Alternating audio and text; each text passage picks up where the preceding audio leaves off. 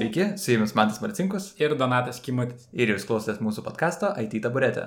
Šiandien mes apžvelgsime balandžio mėnesio IT naujienas ir e, Mantas pradės nuo savo mėgstamiausios temos šiuo laiku - tai saugumas. E, saugumas man Google pasirodo dabar dažniausiai, dėl to, kad mes tiesiog researchinam pakankamai daug arba tiesiog skaitom daug dalykų. Tai jo, tiesiog security naujienas dabar kažkaip dažnai valgosi man per tą mėnesį. Tai pradėkim nuo 40 milijonų vartotojų elektroninių paštų ir adresų ir hashintų slaptažodžių nulykinimo, e, Aptoid programėlių parduotuvė e, tiesiog kažkaip neapsisaugojo ir sugebėjo nulykinti va tiek daug duomenų, arba tiksliau hakeriai paėmė tas duomenys ir pradėjo juos publishint. 20 milijonų buvo jų pa, tiesiog jau parodytų ir 20 tikriausiai laikoma dėl tam tikro... 19. 19 dėl išpirkos, jo. Mm. Tai toks įdomus dalykas. E, vagišiai, jo. e, kitas, kita naujiena tai yra, buvo užkresta virš 700 e, Ruby programavimo kalbos packagų, jie vadinasi Ruby Gems. Aš pradėjau, pradėsiu programuoti Ruby visai greitai. Norėjau kaip tik paklausti, kaip čia užtikai tokią naujieną. Man. Šiaip tai dar prieš tai ir net visiškai nesusijęmi. Tai ką darė tas e, kenkėjiškas modulis, kuris buvo integruojamas į tos, e, tas bibliotekas arba tos packages. Tai jisai targetino tokius specifinius packages, kurie dirba su Bitcoin transakcijom ir kur tie packages buvo siunčiami į Windows operacinę sistemą. Tai mhm. Tai Čia ir buvo didelė problema tikriausiai, kad tokių bendrai tokių package'ų arba userių, kurie, nu, vartotojų, kurie nu, siunčiasi ir tos package'us ir Windows su to pačiu, buvo labai mažai, tai labai kvailai buvo sugalvotas tas targetinimas. E, dėl to paskui greitai šiaip buvo atrasta, kad tokios problemos, kad yra tokių malvėrų įrašyta į tos e, package'us ir buvo greitai suspenduoti arba revertinti tie package'ai į tas senesnės versijas arba updatinti greitai. Mm. Tai va.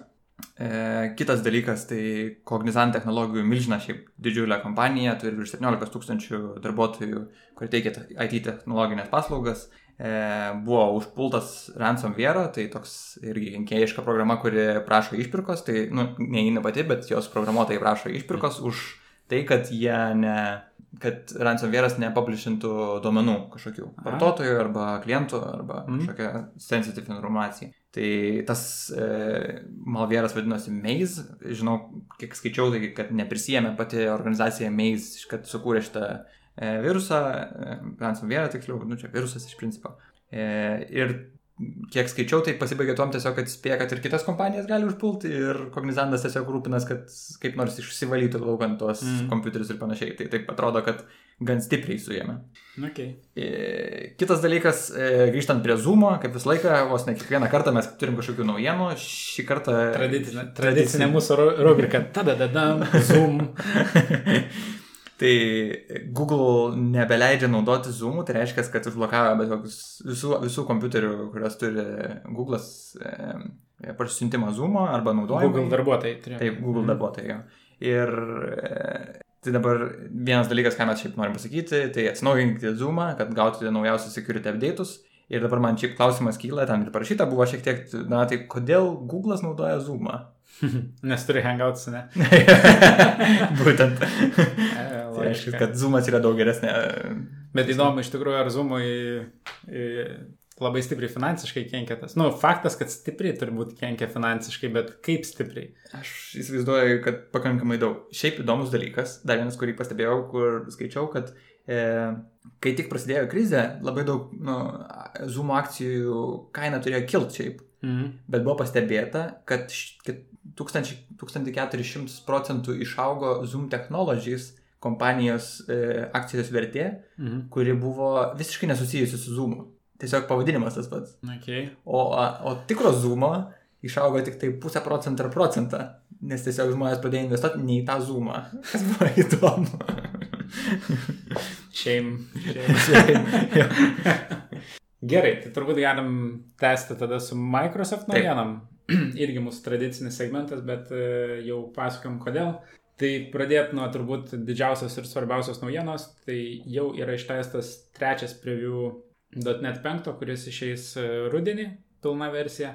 Ir iš tikrųjų e, Microsoftas tikrai siūlo parsisiųsti ir išbandyti e, ir tada jie susirenka informacijos, tobulins ir šiaip siūlo visiems tą pabandyti padaryti. Kuo aš pats asmeniškai labai džiaugiausi peržiūrėjęs improvementų listą, kas ateina su šitu preview, tai yra System Text JSON bibliotekos pakeitimai. Reiškiasi, e, ir čia irgi, žinai, man tai toks dauguma turbūt programuotojų šiaip naudoja Newtons of JSON. Mm kai Microsoftas turi savo built-in, tai čia irgi buvo klausimas turbūt kodėl ir jie turbūt irgi supranta, kad nėra jis iki galo geras, tai dėl to ir leidžia improvementus. Mhm. Tai kas visai bus faina ir viena iš pagrindinių dabar dalykų, kurių įdėjo, tai kad būtų galima įdėti optioną, jog ne, ne, neserializuoti self-reference loopo. A, čia, Nes prieš tai nėjo. Yeah, šitas svarbu, tarp kitko, neseniai visai turėjau irgi tokią problemą, kur tiesiog nerenderino svegeris būtent dėl šito dalyko. Tai, nu, tai va būtent. Tai va, ir, ir šalia .NET, nebesakysiu core, tiesiog .NET 5 versijos visuomet eina ir Entity Framework Core 5, jie nesusilaidino visgi vardu. Tai .NET'as bus penktas, Entity Frameworkas bus Core'as. E, šiaip yra priežastis tam, e, klausiau podcastą, tai Entity Framework 5 yra jau. Ajo. Nes Entity Frameworkas pasibaigė ties šeštu ar septintu, net šeštu berat. Septintu? Ne, ne. tai, tai va, ir, ir matyti jie irgi tą core nu, nu, numes po kažkiekvienos versijos, bet jie tiesiog nesusilainino. O dar ne tai problemas, siaubas. Tai va, e, kažkokių didelių improvementų paminėti negaliu iš Entity Framework, bet tiesiog turbūt irgi verta pabandyti ir pažiūrėti, ar yra kažkokių bugų, jeigu patiems įdomu.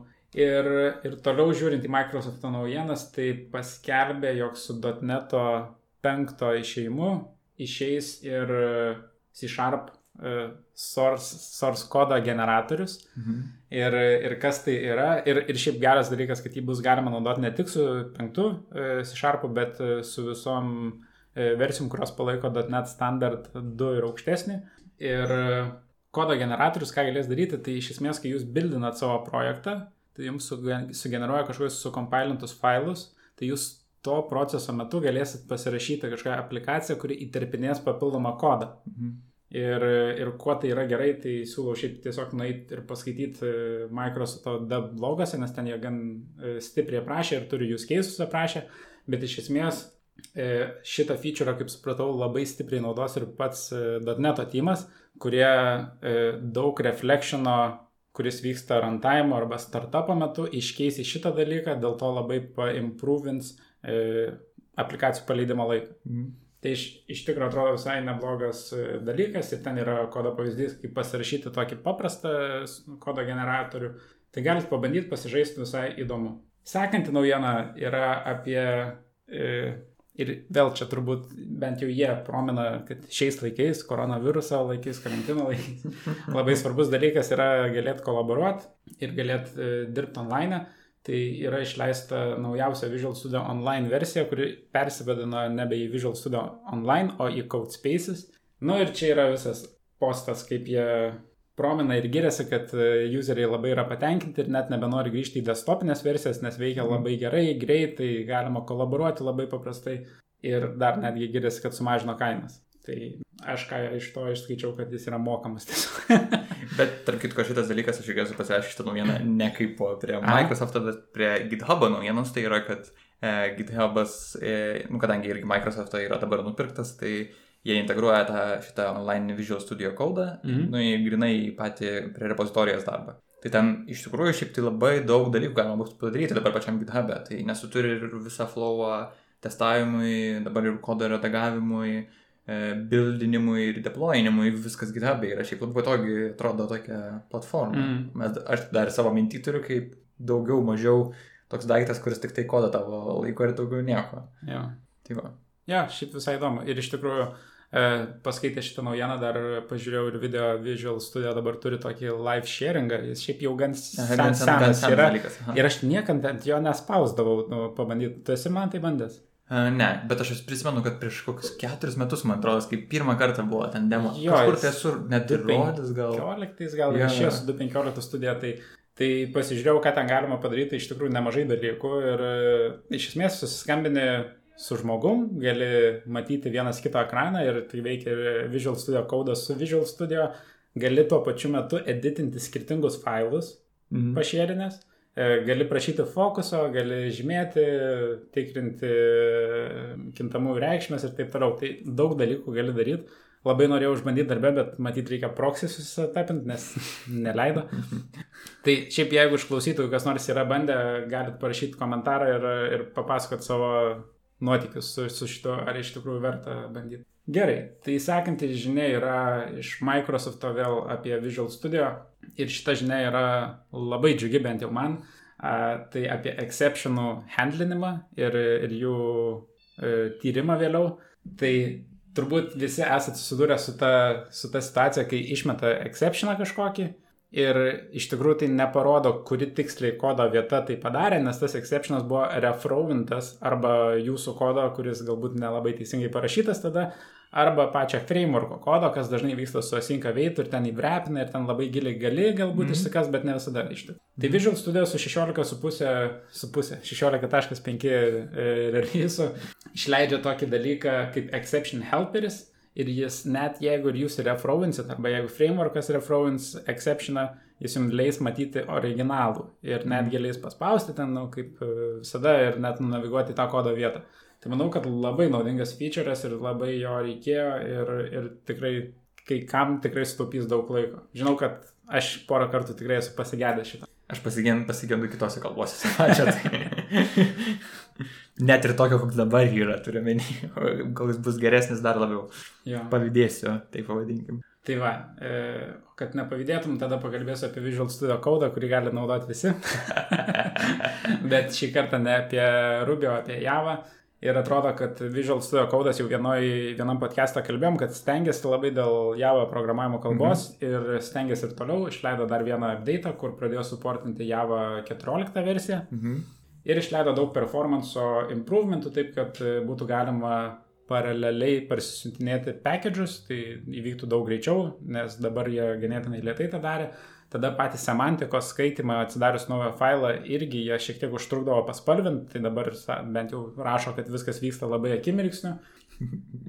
Patį tą vat, semantikos paspalvinimą, tai keywordų kaip public, class ir taip toliau žodžių, jie dar labiau pritaikė javai, nes iki tol buvo toks nelabai, kaip suprantu, geras. Išarpinis, ne? nu, galbūt išarpinis, galbūt ne. Uh, padarė labai paprastą naujų klasių kūrimą, kur tiesiog galima sukurti ir iš karto jau duoda kaip ir sišarpę snippetą, kur yra pagrindiniai dalykai ir tau reikia tik tai rašyti kodą. Nu ir va, ir dar yra čia prirašę nemažai tų improvementų, tai galit patys nueiti ir paskaityti į MSD Dev blogus. Paskutinė Microsoft naujiena irgi tokia pusiau exciting, pusiau pavėlavus 15 metų, kaip man tas sakė. 20 ar 40, net nežinau, labai daug. jo, tai Windowsai ruošia terminalą savo ir turbūt pakeis command line, aš nežinau, ar pakeis, ar čia bus Adonas, e, bet išleido jau paskutinį pre-releaso, paskutinę pre-releaso versiją prieš actual release. Mhm. Nu ir jie čia vėlgi turi prirašę kokių upgrade'ų pasidarę, tai aš jį greit parsisinčiau pasimaigyt, tai iš tikrųjų, nu, aš vėlgi esu Windows useris, tai negaliu pasakyti, kad turiu daug poreikių konsoliai. E, tai leidžia daryti Ctrl-C, Ctrl-V kopijavimui. Labai gerai. leidžia daryti multiple tabų e, turėti. Irgi labai gerai. e, turi integruotą gitą, bet nespalvina ją. Tai man atrodo, spalvas galima, galima konfigūruoti. E, tai va, ir iš esmės tiek, šiaip veikia labai greitai ir, ir fainai, aš naudoju komanderį. Kuris yra ne, ne Windows'ų, ne, ne Microsoft'o padarytas, tai jo, jis yra šiek tiek lėtesnis, iš tikrųjų mm. pastebėjau, e, o tas Windows terminalas tai gan greitai ir smagiai veikia. Awesome. Pagaliau pasivys. Nemanau, kad pagaliau pasivys, bet smagu, kad deda žingsnius. jo, jo. Teisingai. Tai gerai, tai tęsiant tada aš pratęsiu su kitom naujienom, galbūt tokiam kažkiek taip pametom, pavadinkim taip. E, Ubuntu versija nauja išėjo, e, kažkada universitete naudojau kaip pagrindinę savo programą, kaip čia aplinka, ne mm -hmm. aplinka šiaip operacinė sistema. Tai išleido long time supporto versiją naują, tai čia gan didelis pakeitimas, pavadinkim taip. Ir pagrindinius dalykus, tai kas atsitiko, tai performance atnau, e, improvina, e, atnaujino išvaizdą, kad būtų patogiau vartotojui paprastam, ne tik tai tas, kuris realiai kodina terminalį ir panašiai. Ne tik hakeriam, kurie Taip. ransomus daro. Taip, tai yra daug kitų dalykų ir vienas dalykas, kas užkabino ir kas tikriausiai pagrindinis dalykas, tai išleido, nu, 19 versija irgi buvo, bet dabar jau pradeda prominti tokį ZFS sistemą, nežinau kaip išsikom, išsi, Na, iššifruoja. E, bet dalykas apie tai yra, kad e, tai yra e, operacinės sistemos snapshots daro.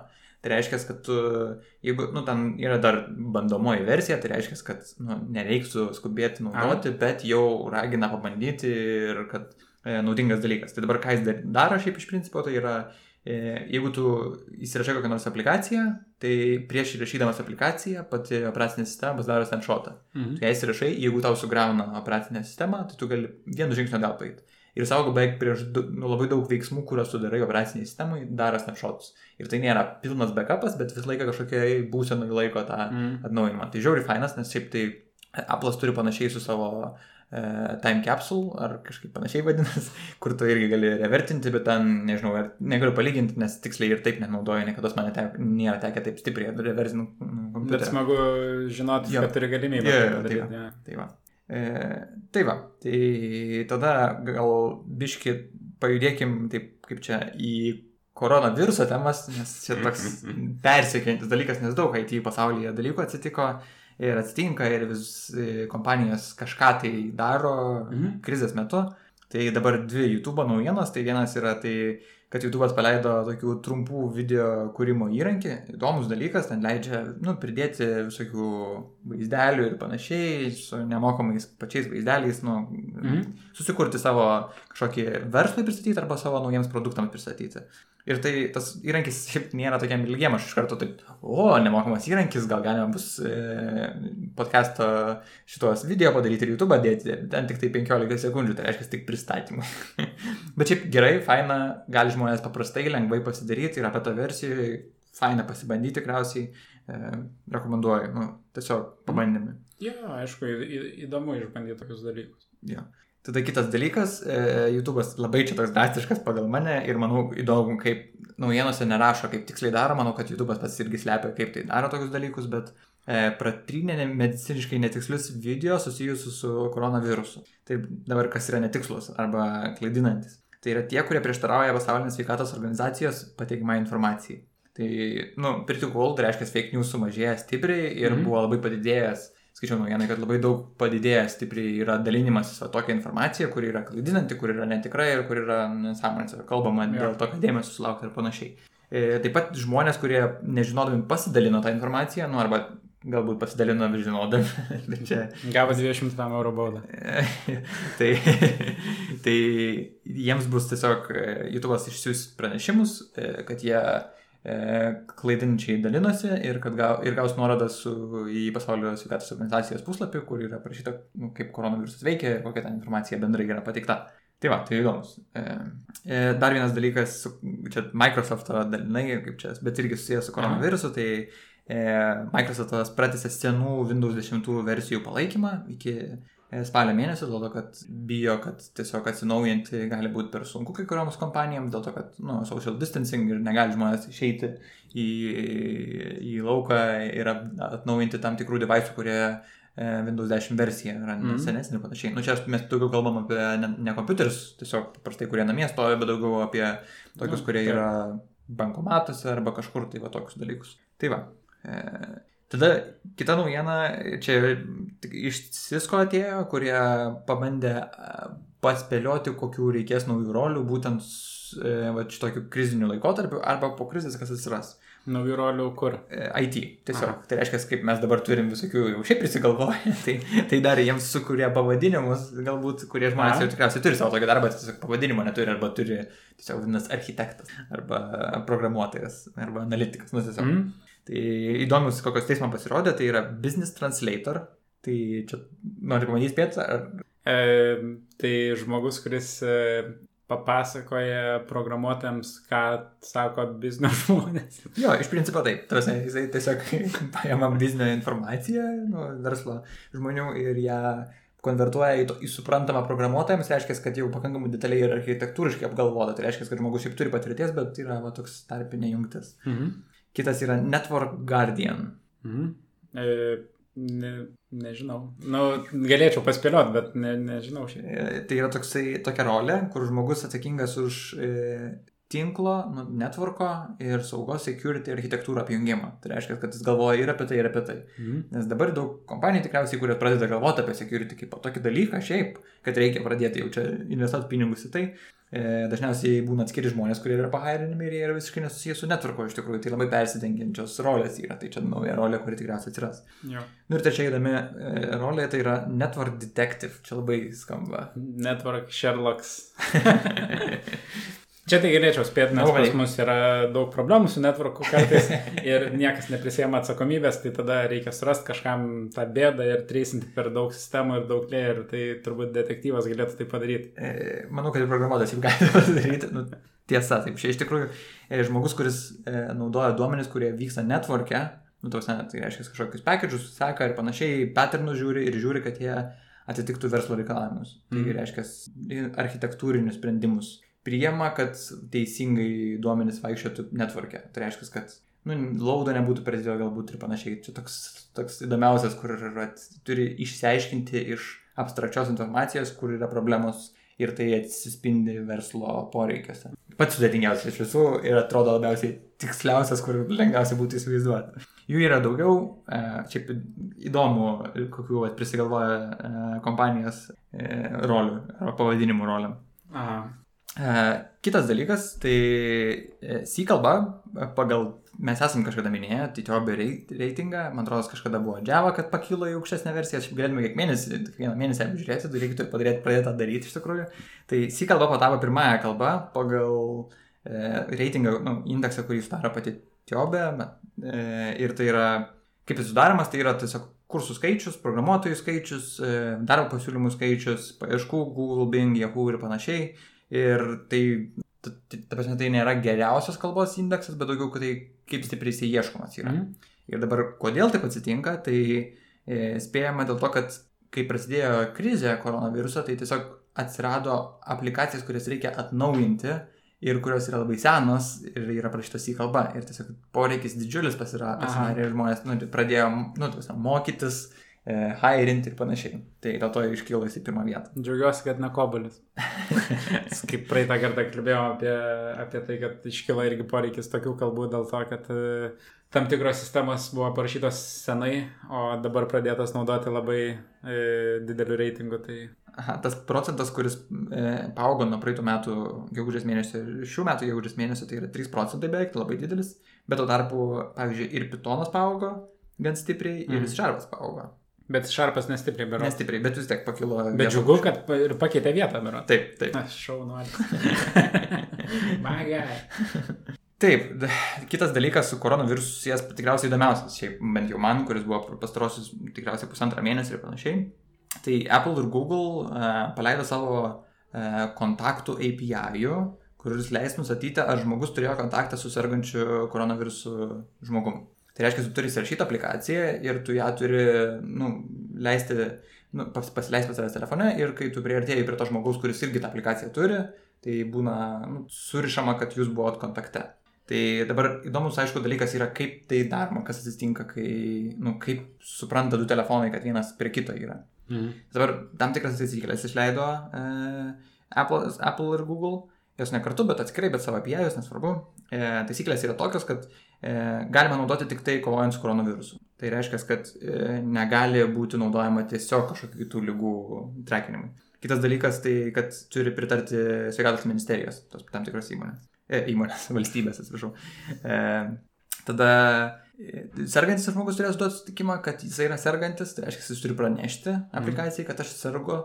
Ir žmogus, kuris nu, įsirašo aplikaciją, turi sutikti, kad jo informacija bus perdodama kažkur tai, nu, laikoma. E, Pats svarbiausias dalykas yra tai, kad tos aplikacijos visiškai neleidžia prieiti prie uh, ap, nu, įrenginio uh, GPS uh, koordinačių. Tai reiškia, jokio location serviso nėra. Tai reiškia, kaip dabar tada du telefonai prieinantis vienas prie kito. Tai Bluetooth arba kitus kažkokius uh, kontaktinius, kaip čia, duomenų perdavimų dalykus. Man čia tiek daug juokelių negerų kaupęs, kol tu kalbinės, nu, šiaip iš tikrųjų geras dalykas, gera iniciatyva, to reikia, bet žinant šio laikinę žmonių paranoją ir skepticizmą, tai Bluetooth'as, tai dar kas nors sugalvos 5G parašys, ten vėžys, kad trekina iš tikrųjų, kad renka duomenis. Jo, bet šiaip turbūt geras Taip, dalykas. bet pačia pagrindinis Jo. dalykas dabar, kas turėjo nubraukti tą visą tokį Skepticizmą. skepticizmą. Jo. Nu, vienas dalykas yra sveikatos ministerija turi patvirtinti, nu, toks, nu, kaip čia valstybė turi patvirtinti. Ir antras, tik tai viena aplikacija vienam, nu, kaip čia, operaciniai sistemai per valstybę, kad nebūtų fragmentacijos. Tai reiškia, prižiūrėti turi pats Apple ir Google savo parduotuvės, kad viena aplikacija valstybei būtų. Mm. Tai reiškia, kad, nu, tik tai oficialus dalykas arba, nu, ir patvirtinta. Tai va. Ir vienas dar įdomus dalykas, kad kai kurios e, valstybės jau pradėjo taikyti šitos dalykus. E, vienas iš jų yra Vaito sala Didžioji Britanijoje, tai visai neseniai buvo naujiena, kad pradėjo taikyti medikai naudotas aplikacijas ir bandyti sužiūrėti, kas atsitinka ar ne. Mm. Tai va. Nu įdomu, faina. Įdomu.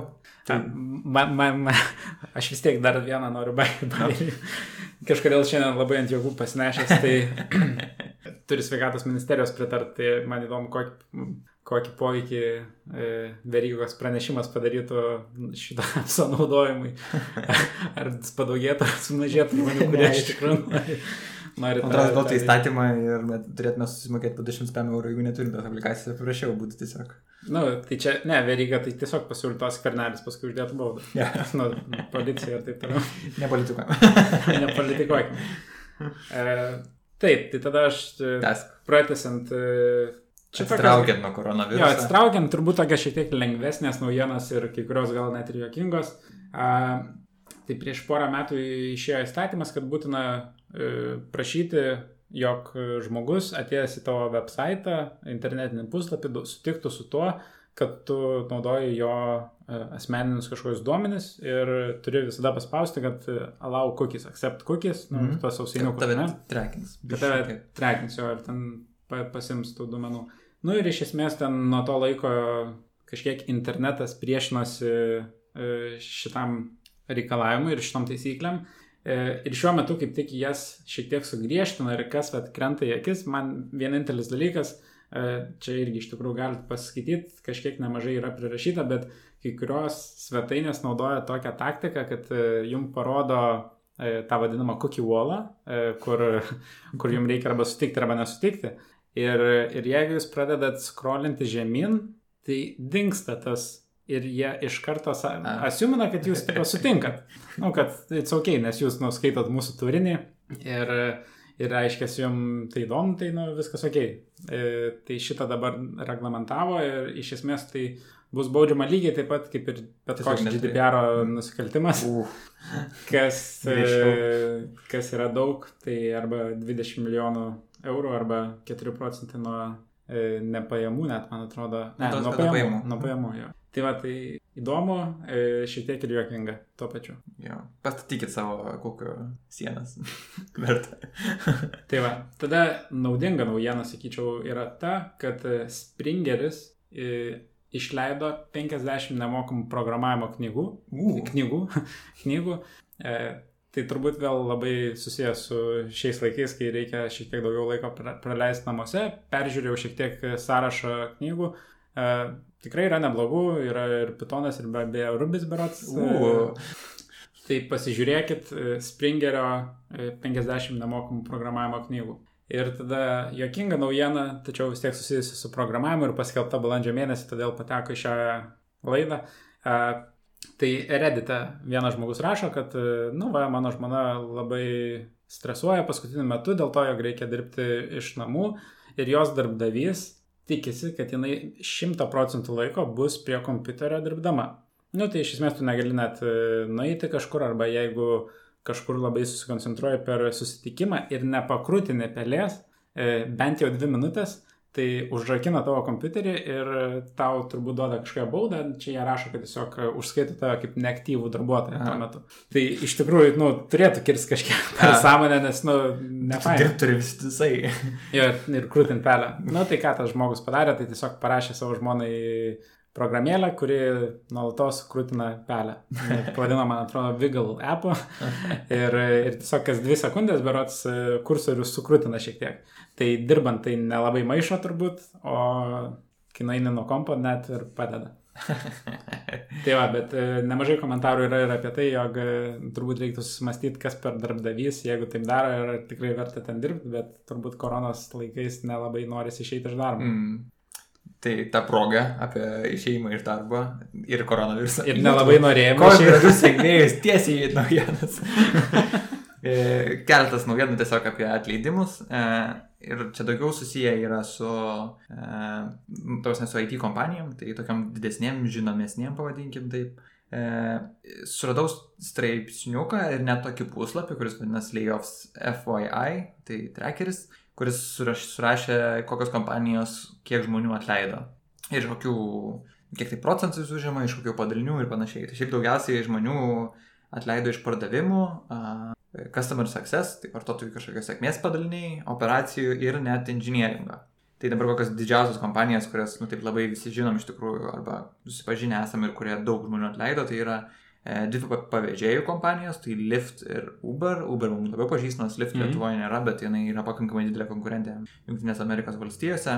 Tai Lyft atleido 17 procentų, tai yra apie 1000 darbuotojų.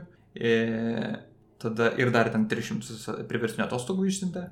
O Uber atleido net 20 tūkstančių darbuotojų, tai yra apie 5 tūkstančiai iš 27 tūkstančių, labai daug ir net 800 programuotojų iš 3800. Tai nu, labai stipriai nusi... apsikirpo, kaip čia. A, įdomu, ar lietuvius paveikia iš tikrųjų. Labai įdomu, iš tikrųjų. Jeigu kas nors klausotės, papasakokit savo. E, netokias galbūt geras naujienas ir patirtį. Dar viena kompanija didelė, tai Airbnb atleido apie 25 procentus, tai didžiausias procentas. Ir tai yra tūkstantis, nu, bet žmonių skaičium netiek didesnis, nes Uberis tiesiog daugiau atleido. E, atleido 1900 darbuotojų ir atsisakė tokių projektų kaip e, darbo prie viešbučių, e, transportavimo divizijos beveik visos ir tada prabangių apsistojimų divizijos. Mm. Darbuotojų, kurie dylindavo šitos dalykus. Kažkai kodėl, nes galbūt niekas neapsistoja ir prabangiai to labiau. tai va. Tai liūdnas naujienas, kad atleidinėja žmonės, bet matyt, tokios realijos yra, kai visi sėdi namie ir tokios kompanijos kaip Lyft, Uber ir Airbnb iš tikrųjų praranda daug vartotojų savo. Beveik visus tikriausiai. Jo, ir e, girdėjau iš tikrųjų, e, neoficialiai girdėjau, kad ir sporto įmonėms yra sudėtinga, nes sporto įvykių nevyksta. Taip, taip, ir labai tos, daug. Gyvena iš sporto renginių, tuo pačiu ir tos, kurios programuoja kažkokius appsus sporto renginiams, e, taip pat labai kenčia ir apie atleidimus negirdėjau, girdėjau apie tai, kad reikia kažkiek pasimažinti savo darbo etatą. Pasimažinti savo norų. Tam, kad visi galėtų išgyventi. Ir, ir pabaigai, e, kaip visada, e, daugiausiai subalsuotas e, Stack Overflow klausimas, tai populiariausias Stack Overflow, overflow klausimas. Ir klausimas skambėjo taip, kad Androido aplikacija gauna fatal exceptioną iš Google Maps'ų. Mhm. Na nu, ir iš klausimo galima suprasti, kad žmogus turi savo aplikaciją, kuri jau naudoja Google Maps'us ir veikia prieš tai ir dabar gauna erorą kuris tiesiog savo fatal exception ir daugiau mm. nelabai ką. Ir klausia, gal žinot. Kaip gerai būtų tas Visual Studio debugas. ir klausia, gal, gal žinot, kame bėda. Ir atsakymas yra paprastas. Actually, Google Maps įkrešina. Ne žmogaus aplikacija, o Google Maps įkrešina. Keturias valandas buvo visiškai nestabilus, jeigu pasiemė vieną iš e, Google Maps versijų. E, Tai Google'as išleido kažkokią blogą konfiguraciją ir 4 valandas turėjo visišką outage. ir iš tikrųjų tada atsiminiau, e, naudojau Strava šį mėnesį ir e, vienu metu Strava buvo išmetus e, taustą, kuris sakė, kad we're having problems with Google Maps. Oh. Sorry if some inconsistencies happens. Tai va, e, įdomu iš tikrųjų, nes e, na, nedažnai turbūt Google Mapsai failina taip, kad Stack Overflow netgi atsiranda klausimai apie tai. Deploy to production. e, bet reikia paminėti ir tai, kad e, labai greitai ir sustaisė ir, ir išleido naują versiją, tai... Mhm. Bet turbūt vis tiek labai sunku tokia, tokio dydžio ir tokio naudojamumo aplikacijai ir likti nepastebėtai, kai yeah. išleidai kažkokią outage. Bet sakė, kad Overflow dabrido kažkaip tai. Ja, ja. Žmonės save kaltina labiau, nes kaip gali Google Maps sulūžti. Ir susilaukia populiarumo. tai gerai. Jo, šiam kartui turbūt tiek. E, su jumis buvo Mantas Marcinkus. Ir Donatas Kimutis. A, ačiū Mantai. Iki kitų susitikimų. Iki.